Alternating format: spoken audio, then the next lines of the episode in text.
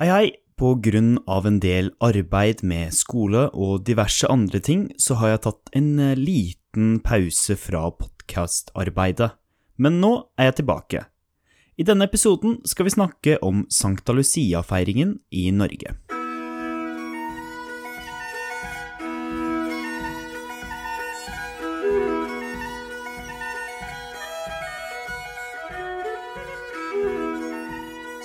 Lucia-dagen er en kjent og kjær del av norsk julefeiring.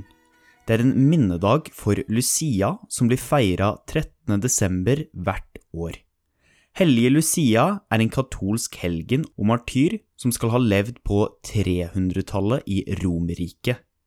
Det høres kanskje merkelig ut at vi i Norge, et tradisjonelt protestantisk land, feirer en katolsk helgen hver eneste 13. desember. Vel, en av grunnene er nok at Lucia-feiringen er blanda sammen med den gamle norrøne Lussi-tradisjonen, som også blei feira rundt 13. desember. I tillegg kan feiringa også ha blitt blanda sammen med andre element, som den tyske Christkindchen, en hvitkledd jente med papirkrone og brennende lys på hodet, Skikken kan også være basert på de middelalderske stjernespillene hos stjernegutteopptogene. Som dere ser er Lucia-feiringa i Norge basert på ganske mange skikker, men det viktigste er den katolske helgenen Sankta Lucia og den norrøne Lussi-tradisjonen. Jeg kommer derfor til å fokusere på disse to når vi nå skal se litt nærmere på bakgrunnen for Lucia-feiringa. I tillegg skal vi se på hvordan vi feirer Lucia-dagen i Norge og Skandinavia i dag. Den moderne norske Lucia-feiringa er i stor grad basert på den svenske. Vi begynner med den sicilianske helgenen på 300-tallet. Kildene om Sankta Lucia kommer fra teksten Martyrberettelser fra 400-tallet. Det kan absolutt ha eksistert ei kvinne med navnet Lucia på Sicilia på begynnelsen av 300-tallet, men historiene om henne er veldig preget av hennes martyr- og helgenstatus. Det er veldig legendepreget. Ifølge legenden skal Lucia ha vært en romersk jomfru av god familie fra Sicilia. Hun skulle gifte seg med en hedensk mann, men hun ville ikke forlate sin kristne tro. I tillegg ga hun bort hele medgiften sin til de fattige. Dette likte ikke Lucias trolovede.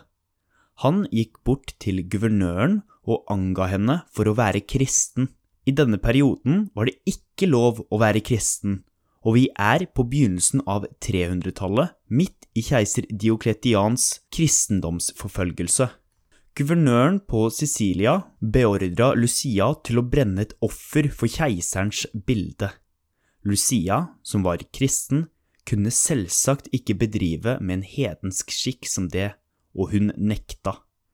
Guvernøren dømte da Lucia til å bli tvangssendt til et bordell. Da vaktene kom for å hente henne, klarte de ikke å rikke henne fra stedet. De klarte rett og slett ikke å ta henne med seg så da prøvde de å binde henne fast til noen okser, men selv det var ikke mulig.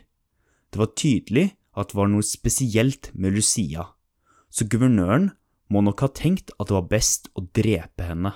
Han beordra vaktene til å finne ved som de satte rundt Lucia. De tente på veden, og det begynte å brenne rundt Lucia. Men flammene rørte henne ikke. Bålet brant rundt henne, men hun var uskadd. Det var et under. Til slutt blei hun drept med et sverd som blei kjørt inn i halsen hennes. Ifølge seinere legender blei Lucia torturert og fikk øynene skjært ut før hun blei drept, men dette er ikke med i de tidligste fortellingene om henne. Navnet til Lucia kommer fra det latinske lux, som betyr lys. I den moderne norske Lucia-feiringen er det ikke så veldig stort fokus på martyrfortellingen rundt Lucia, men mer om Lucia som en ung kvinne som bringer lys i ei mørk tid. Dette er kanskje på grunn av at Lucia-feiringa er blanda sammen med den gamle norrøne Lussi-tradisjonen. I Norge er natta til 13. desember blitt kalt for Lussinatta. Det er også kalt for Lussi langnatt fordi man før trodde at dette var årets lengste natt, altså det vi nå kjenner som vintersolverv.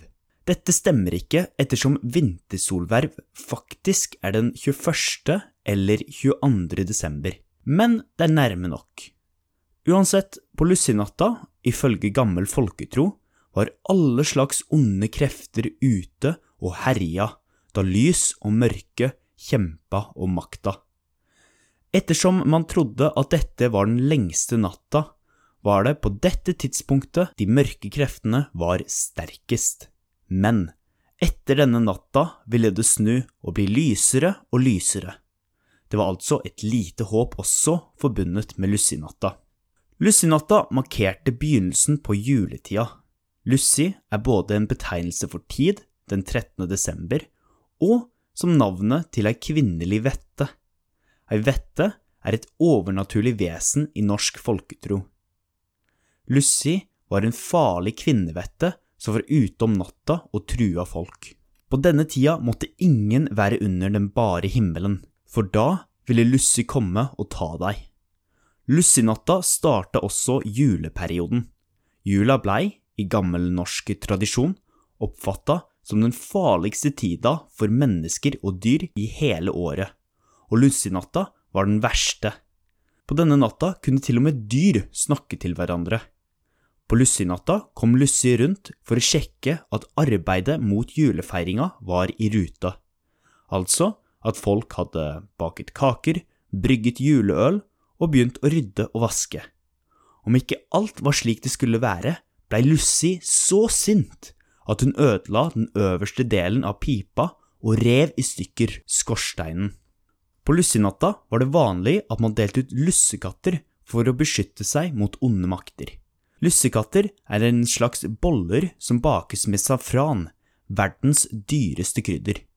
Safranen symboliserer sola og lyset, og spiralformen til bollene er et gammelt symbol på sol og liv. Lussekatter blir fremdeles bakt i Norge i dag på Lucia-dagen. Lucia-feiringa og mange av ritualene og skikkene rundt det er veldig gamle. Likevel falt mange av disse skikkene litt bort i løpet av 1800-tallet i Norden, men dette snudde på 1900-tallet. I Sverige i 1927 ble den gamle skikken med Lucia-prosesjoner tatt opp igjen i Stockholm. Det blei forma Lucia-tog, og det blei kåra ei Lucia-prinsesse. Dette var så populært, sikkert siden det bygde på så mange gamle skikker og tradisjoner, at det spredde seg til resten av Sverige og Norge. I Norge i dag feirer man Lucia-dagen først og fremst i skoler, barnehager og i kristne menigheter. Skikken er nok mer knytta opp mot de gamle Lussi-tradisjonene og jula enn den er mot helgenen Sankta Lucia. Likevel er Sankta Lucia blitt en stor del av feiringa hun også. Så hvordan feirer vi Lucia-dagen? Vel, jeg husker at vi på skolen gikk i Lucia-tog, som er en lysprosesjon. Man kler seg opp som stjernegutter med hvite klær, en stjerne i hånda, lys og kjegleforma hatter med gullstjerner. Helt fremst i toget går Lucia, ei jente med en lyskrans på hodet og et lys i hånda. Hun leder prosesjonen. Tradisjonelt er Lucia ei blond jente, noe som nok trolig skal symbolisere lys. I dag er det sikkert vanlig at ikke-blonde jenter også blir valgt til å være Lucia. Denne prosesjonen er en måte å holde onde makter unna på, og bringe lys til ei mørk tid. Det er også knyttet opp mot helgenskikkelsen Sankta Lucia som leder toget. Mens de går i prosesjon, synger de Lucia-sangen, som handler om at Sankta Lucia kommer med lys i ei mørk tid. I tillegg til en lysprosesjon, så er det fremdeles vanlig å bake og dele ut lussekatter, bollene som jeg snakka om, på Lucia-dagen. De er deilige, og jeg vil anbefale å prøve å bake dem selv. Oppskrift finner dere på nettet. God jul!